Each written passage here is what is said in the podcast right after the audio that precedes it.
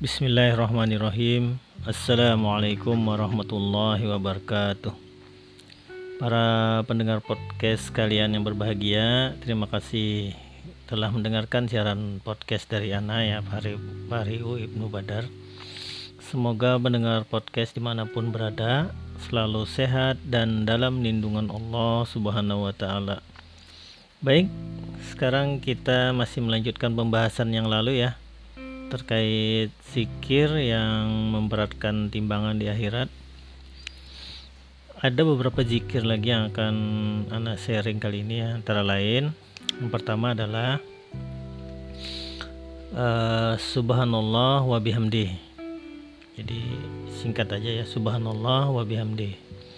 Barang siapa membaca subhanallah wa bihamdi dalam sehari 100 kali, niscaya akan diampuni dosa-dosanya walaupun sebanyak buih di lautan ya. Jadi kalau dosa-dosa dihapus ya berarti timbangan kebaikannya akan lebih berat gitu ya. Ini hadis diriwayatkan oleh Bukhari dan Muslim. Kemudian berikutnya adalah eh, lafaz zikir subhanallahil azim wa bihamdih jadi hadisnya barang siapa membaca subhanallah subhanallahil azim wa bihamdi maka akan ditanamkan baginya pohon kurma di surga. Hadis riwayat Tirmizi. Albani mensahihkan Sahih Lighairi dalam Sahih Targib nomor 1540. Kemudian berikutnya adalah subhanallah wa bihamdi subhanallahil azim ini dua, dua kalimat yang mudah diucapkan berat dalam timbangan dan dicintai Allah. Hadis riwayat Bukhari dan Muslim. Jadi mudah diucapkan ya. Subhanallah wa bihamdi subhanallahil azim subhanallah wa bihamdi subhanallahil azim. Ini dua kalimat yang mudah diucapkan berat dalam timbangan dan dicintai Allah. Diriwayatkan oleh Bukhari dan Muslim yang berikutnya adalah barang siapa yang membaca subhanallahi walhamdulillahi wala ilaha illallah wallahu akbar niscaya akan ditanamkan baginya pohon di surga ini hadis riwayat Tabrani ya yang dihasankan oleh Al Albani dalam Sahih Tagrib nomor 1552. Kemudian yang berikutnya adalah ucapan la haula wala quwata illa billah.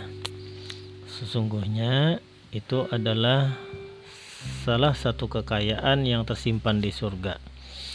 Ini diriwayatkan oleh Ahmad An-Nasai dan Albani mensahihkan dalam sahih tagribnya nomor 1581. Jadi kekayaan yang tersimpan di, di surga itu adalah ucapan. Kita bisa kita temui dalam ucapan la haula wala quwata illa billah. Kemudian yang terakhir ya istighfar. Selain kita beristighfar untuk diri sendiri gitu kita juga beristighfar bagi orang-orang yang beriman ya. Jadi barang siapa yang memintakan ampunan bagi orang-orang yang beriman niscaya Allah akan menuliskan baginya pada setiap orang yang beriman satu kebaikan. Hadis riwayat Tab Tabrani Albani menghasankan dalam Sahih Jami nomor 6026 jadi kalau kita membaca istighfar untuk orang-orang beriman misalnya Astagfirullah wal mu'minin wal mu'minat. Astagfirullah wal mu'minin wal mu'minat. Nah berapa juta orang mukmin dan mukminat di dunia ini?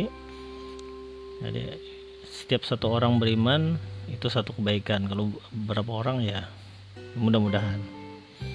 Uh, apa mudah-mudahan di demikian ya Nah, demikian para pendengar podcast kalian ya eh, yang kita sharing eh, pada hari ini. Semoga bermanfaat. Terutama kalau kita lagi terkena sakit misalnya ya, yang tidak bisa beraktivitas atau sudah tua, sudah tua ya, jompo misalnya tidak bisa berjalan. Eh, lumpuh, kena stroke apa segala macam, maka kita kita masih bisa menambah timbangan amal soleh ya dengan membasahi bibir dengan mengucapkan jikir-jikir yang seperti Anda sampaikan tadi. Oke, nanti akan kita sambung lagi ya pembahasan atau pengalaman yang lain lagi. Tetap uh, stay tune di channel podcast Ibnu Badar. Semoga kita semua mendapat berkah dari Allah Subhanahu wa taala. Amin. Nah, akhiri wabillahi taufik wal hidayah. Wassalamualaikum warahmatullahi wabarakatuh.